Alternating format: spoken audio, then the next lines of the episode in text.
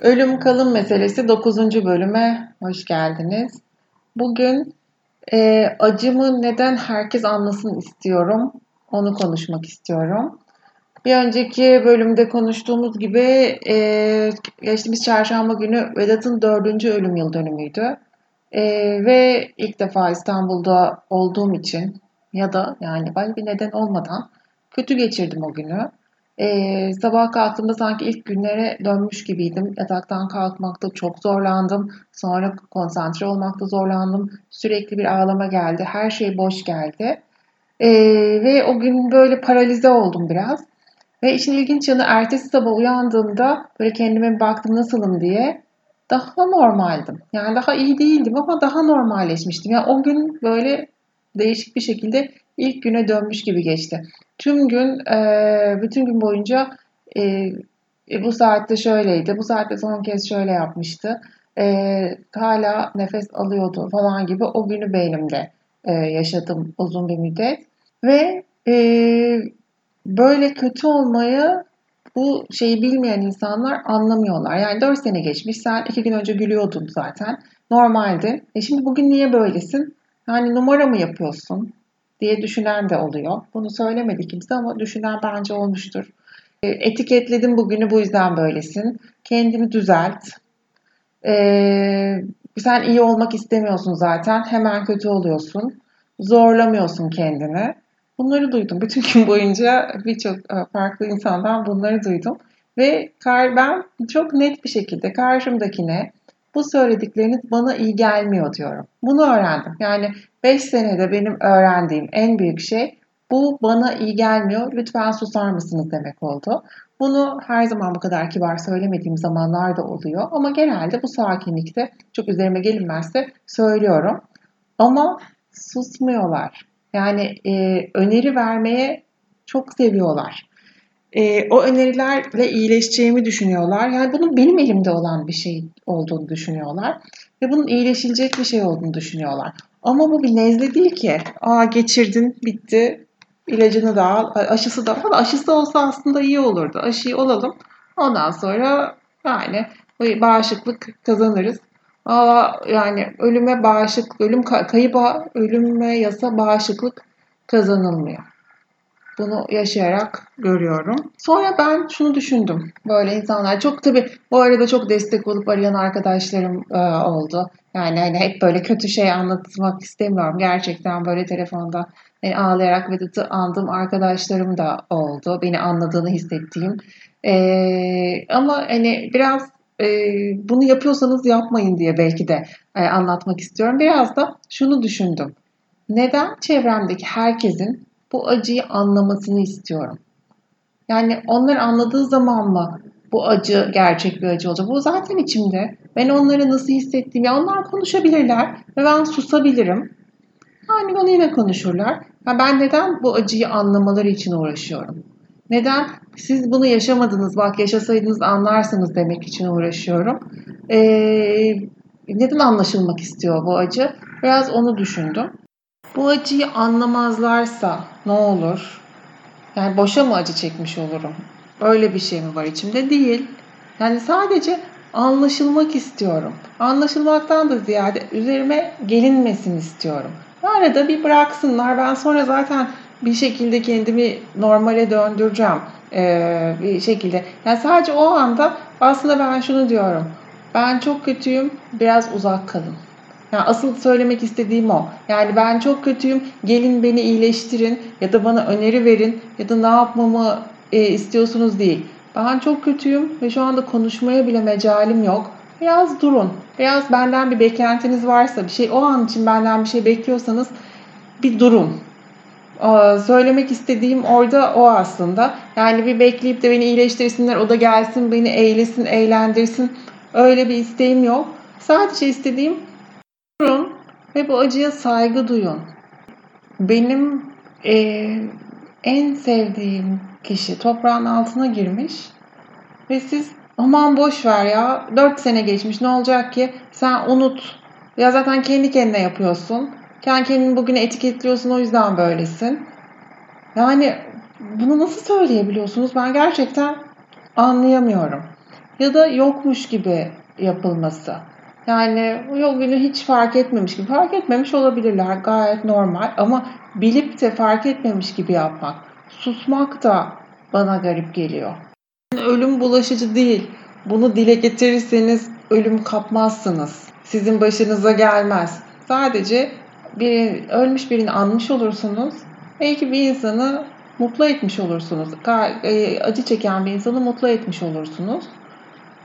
Ve yine hayatınıza devam edebilirsiniz. Çünkü herkes ediyor. Yani bilinmesi gereken şu. Yasta sadece ağlanmıyor. Yastaki bir insan yemek de yiyor, gülüyor da, dans da ediyor, sinemaya da gidiyor. Ama yasta tutuyor, acı da çekiyor. Yani bir insanın gülmesi, dansa gitmesi, dans etmesi e, ya da sinemaya gitmesi onun artık bunu geç, bittiğinin anlamına gelmiyor. Vakit geçiriyor. Sonra bir şeyden tetikleniyor. Yine bir çıkmaza düşebiliyor, modu düşebiliyor, hatırlayabiliyor, ağlayabiliyor. Sonra ertesi gün tekrar gülebiliyor. Ve kendi bu e, değişik durumlarına alışamamışken karşı taraftan sürekli gelen öneriler, iyi niyetli de olsa istekler, beklentiler daha da zorluyor. E, Amerikalı bir e, psikolog e, Virginia Simpson e, çok güzel bir e, benzetme yapmış yasla ilgili. Dilini bilmediğim bir yabancı şehirdeyim ve haritam yok. Bir harita olsa bile okuyamıyorum. Kayıp sesin içinde ve aklım karışık bir haldeyim. Bu şekilde paralize olmuş bir insana artık anlamadığı bir dilde sürekli konuşuyorsunuz. Anlamıyor, duymuyor, gelmiyor, o sesler gelmiyor ve siz bir şeye çekiştiriyorsunuz, zorluyorsunuz. Bir bırakmak lazım bence. Bir durun. Yani o da kendi dengesini bir şekilde bulacak. Ben ona inanıyorum. İlk güne niye geri dönüyorum diye böyle düşündüm. Hatta Oya abla nörolog ona sordum. Yani bu nedir? Kim hatırlıyor bunu? Benim bedenim mi hatırlıyor? İşte beynin hatırlıyor, hücrelerin hatırlıyor. Tamam beynimin o kısmını aldıralım dedim. Ya aldıralım. O zaman dedi hatıraların, her şeyin alınır. Her şeyin hani hiçbir şey hatırlamazsın. Tamam o zaman acı da çekmem. Yani o gün ona da okeydim mutlu kabak gibi böyle kalmaya da o kadar bıçaklar battı ki ona da okeydim. Sonra ertesi sabah daha iyi uyandım. Çok iyi değil ama biraz daha iyiydim. Ee, biraz daha güne devam edebilme gücüm vardı. Sonra bir sonraki gün, bir sonraki gün derken yani şimdi de kendimi daha normal bir hafta önceki gibi hissediyorum. Ve bana çok ilginç geliyor. O gün niye öyle oluyoruz? Yani beynimizde ne oluyor, vücudumuzda ne oluyor? Olmamak için uğraşmalı mıyız? Ya da onu o duyguları yaşamalı mıyız? Bence olmamak için uğraşmak da iyi gelmiyor. Yani yaz çok sevdiğin bir şeyin kaybı ve o sevginin bedeli.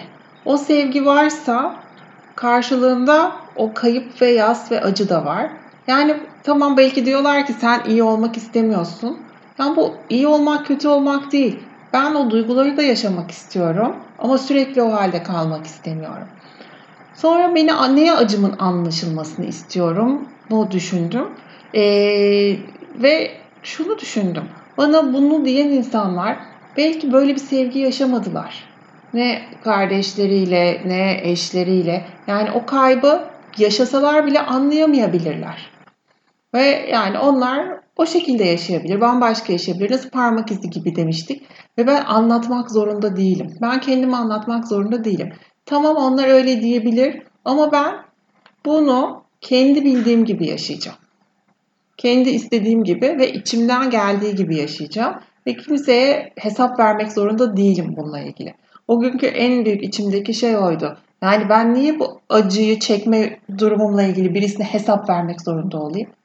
Ertesi sabah uyandığımda daha sakindim, daha iyiydi. Bu sefer de sanki Vedat gitmemiş, ölmemiş de ayrılmışız gibi bir terk edilmişlik hissi vardı.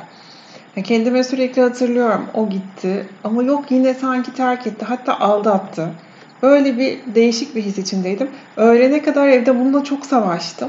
Sonra kendimi hadi işe verdim. Biraz daha böyle farklı bir şey yapayım. Biraz hareket edeyim. Ee, dışarı çıktım, yürüdüm falan. O e, daha azalarak şimdi mesela bugün geçti. Yani beynim hala ölümü anlamıyor. Ve Vedat'ın gidişini sürekli bir e, terk etme olarak görüyor. Geçen gün e, bir psikiyatrist dinlerken e, bağlanma biçimleriyle e, yasın, yas tutmanın e, ilgisi olduğunu söyledi. Bu konuyla ilgili kitap varsa bakacağım. Belki bir e, bölümünde konusu bu olabilir. Bir sürü not aldım o konuşurken. E, onları biraz araştıracağım. İlginç geldi bana. Doğru olabilir. Bu acımın anlaşılması isteği bende yeni bir şey çıktı. Çünkü ben sürekli acımı kimse görmesinle başladım. Acımı bilmesinler, acımı görmesinler. Ee, ve şimdi birkaç bir maske kalktı. Ve acımı görebilirler, okey, sorun yok. Yorum da yapabilirler. Zaten yapıyorlar. O kimseyi durdurmuyor. Ee, beni her halimle görebilirler rahatlığı geldi. Ama onun altında da o zaman görüyorlarsa acımı anlasınlar e, diye düşünmeye başladım. Ve bana ilginç geldi. Çünkü ben böyle illa herkes beni anlasın, o da olsun, bu da olsun de uğraşan bir insan değilim. Yani anlayan anladığı kadardır. Geneldeki tavrım budur. Çok böyle kendimi anlatmak için çaba harcamam. Yani ben düşündüğümden eminsem, e tamam ben böyle düşünüyorum. O karşımdaki anlamasa da sorun değil diye e, davranışlarım hep böyle. E, çok ısrarcı değilimdir birçok konuda. E, kendimi anlatmak için. Hatta mümkünse daha az kelimeyle konuşayım. E, ve konu bitsin, konu kapansın e, kısmındayım. Ve bu da benim için yeni bir şey.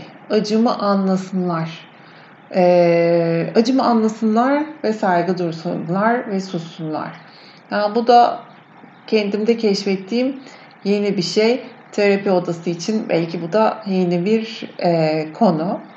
Anlatmak istediğim, kendimde fark ettiğim bir şeyi de anlatacağım. Ee, ilk sene, birinci sene çok e, pus altında demin anlattığım e, gibi bilmediğim bir dil, bilmediğim bir e, toprak o şekilde geçiyor. İkinci sene o pus birazcık o sis kalkıyor ve acı daha fazla çıkıyor. Hatta birinci seneden daha fazla acı çekiliyor. Üçüncü sene bir kendine dönüş, ya ben de öyle oldu, öyle oluyor diye bir genel durum yok. Ben de öyle oldu. Benden bir yıl geride gelen bir arkadaşım da aynı şeyleri. Sen geçen sene bunu söylediğinde ben anlamamıştım ama şimdi anlıyorum falan diyor. Onda da aynı gidiyor. E, üçüncü sene bir kendime dönme oldu. Ben ne yapıyorum? Ben bu hayatı nasıl yaşıyorum? E, biraz daha ya yani ben bu hayatı niye böyle geçiriyorum? O, ona geri dönme oldu. Geçen sene arkadaşıma bunu söylediğimde hiç anlamamış. Yani saçma gelmiş ben benim onu söylemem. Geçen gün telefonla konuşurken şimdilerde seni anlıyorum. O zaman ne dediğini şimdi anlıyorum falan dedi. Yani aynı gitmek de değişik bir şey. Ee, çok e, birçok insanın anısını okuyorum. Onlarda da yani hem evrensel bir şey hem parmak izi gibi bir şey. İnsan kendinde de yeni alanlar, yeni odalar açıyor ve onu görüyor. Zaten e, amacımız bu hayatı yaşarken bu acıyla beraber, o acıyı silip yok edip yokmuş gibi yapıp yaşamak değil, o acının yanında başka hayata alan açmak. Çünkü o acı ilk geldiğinde yaşama hiçbir alan kalmıyor. Hiç yaşanacak bir gün bile e, olmuyor ve kalbimizde o yeni alanları açmak, yaşama sevincine e, alan açmak e, zor geliyor. Ve bunu başarırsak aslında yasla başa çıkmış oluyoruz. Yasa alış ya da alışmak değil de yasın sürecinden geçmiş oluyoruz. Ama yasın yas bitmiyor. O süreç farklı bir yola gidiyor. O yas yolu devam ediyor artık. Ve e, eskiye dönüşün olmadığını kabul etmek gerekiyor. Şimdi dördüncü yılda benim nelerin beklediğini bilmiyorum. Ee, birkaç yerde, birkaç kişinin anısında şöyle bir şey okudum. Dünya için daha çok ne yapabilirim? Yani biraz daha çevreyi daha çok fark edilen ve eğer yaşama amacını fark edilen bir yıl olarak e, anlatan e, birkaç blog okudum. E, bu dünyaya ne için geldim? E, onu da o, o konuya daha odaklanılabilen bir yıl olmuş. E tabii sonuç olarak çok büyük bir kayıp oluyor ve dünyadaki her şey anlamını yitiriyor. Ve sonra yavaş yavaş bir iyileşme süreci bebek adımlarıyla yeniden yeni anlamlar bulunmaya çalışıyorsunuz. Ve sonra bir yerden sonra da yeni bir hedef gerekiyor. Yani o hedefsiz o şey çok zor. O ilk günlerdeki her şeyin boş geldiği bir hayat yaşanı yaşayamazsınız. Yani e, sürdürüle, sürdürülebilir bir şey değil o. O zaman zaman hala geliyor. Her şeyin boş gelmesi okey ama onun 24 saat olması e, çok yani zorlar bence. Onun olmasını istemezdim. Ben şu konuda çok şükrediyorum. E, ben öbür dünyaya inancım çok fazla. E, ve Allah inancımın yüksek olduğunu gördüm. Yani ben bu sınavla e, kendimde, içimdeki inancın gücünü gördüm. E, o olmasaydı bugünleri aşmam daha zor olurdu. Yani burada bir hani bunun yapılması lazım. Şöyle inanın, şöyle inanırsanız böyle olacak falan gibi bir şey değil. O herkesin içinde. Neye inanıyorsa, nasıl yaşıyorsa o herkesin kendi içinde ve oradan bir güç, bir çıkış noktası geliyor. Ee, bir de tabii ki e, annem onu bana söylemişti, fark ettirmişti. E, ben bir kinle yas tutmuyorum. Bu bir doğal ölüm ve e, bir bomba değil, bir yani e, bir cinayet değil ve bir e, kinle yas tutmak çok daha ağır olmalı. E, yani onu annem bak böyle bir e, daha çok daha kötü olabilirdi diye e, hatırlatmıştı bir kere. Yani bir şekilde o kadar garip şeylere insan şükredebiliyor ki. Yani bazen şükrederken bunu nasıl şükrederim diye düşünüyorsunuz. Ama doğal ölüme de e, şükrediliyor. Sonuç olarak geldiğimiz nokta şu. Ben acımı gösterebilirim. Evet. Anlayan anladığı kadar anlar. Bugün anlayabilir, yarın anlayabilir, kendi yaşadığı zaman anlayabilir. Size kötü gelsin diye bir şey yapmıyor. Okey, ona okeyim. Yani herkes kendi açısından bir iyilik yapmak istiyor. Ama bir şey söyleyeceğim. Mesela e, sevgilisini kaybetmiş bir insana Instagram çekilişinde, sevgilisi kaybettikten iki ay sonra Instagram çekilişinde alyans çekilişine etiketlemeyin. İyilik mi, kötülük mü, düşüncesizlik mi? Mesela bunu ben anlamıyorum. Çocuğunu kaybetmiş birine bebek kıyafeti etiketleyen de var.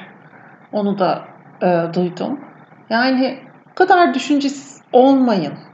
Olmayalım. Yani bu dünyada herkesin yaşadığı zorluklar var. Birazcık kolaylaştırmamız lazım. Zorlaştırmamız değil, kolaylaştırmamız lazım e, birbirimize hayatı. Kimsenin hangi sınavdan geçtiğini bilmiyoruz. Tanımadığımız kişilerin hiç bilmiyoruz. O yüzden kolaylaştırma yoluna gidersek bu yolu daha kolay tamamlarız hep birlikte ve herkes inancına göre diğer alemde istediğine kavuşur inşallah. Ee, dokuzuncu bölümünde sonuna geldim. Ee, büyük bir aile baskısı var üzerimde. Annemin baskısı hemen yeni bölüm istiyor benden. Kısa olmasından da şikayetçi aynı zamanda. Daha uzun olsun, daha çok anlatayım istiyor. Çünkü bunlar benim annemle sürekli konuştuğum şeyler değildi. Acımı annem görmesin ve üzülmesin istiyordum. Şimdi bunların dile gelmesi birbirimizi daha iyi anlamamızı sağlıyor bence. Bu da ikimize de iyi geliyor. Şimdilik bu kadar. Bir sonraki bölümde görüşmek üzere.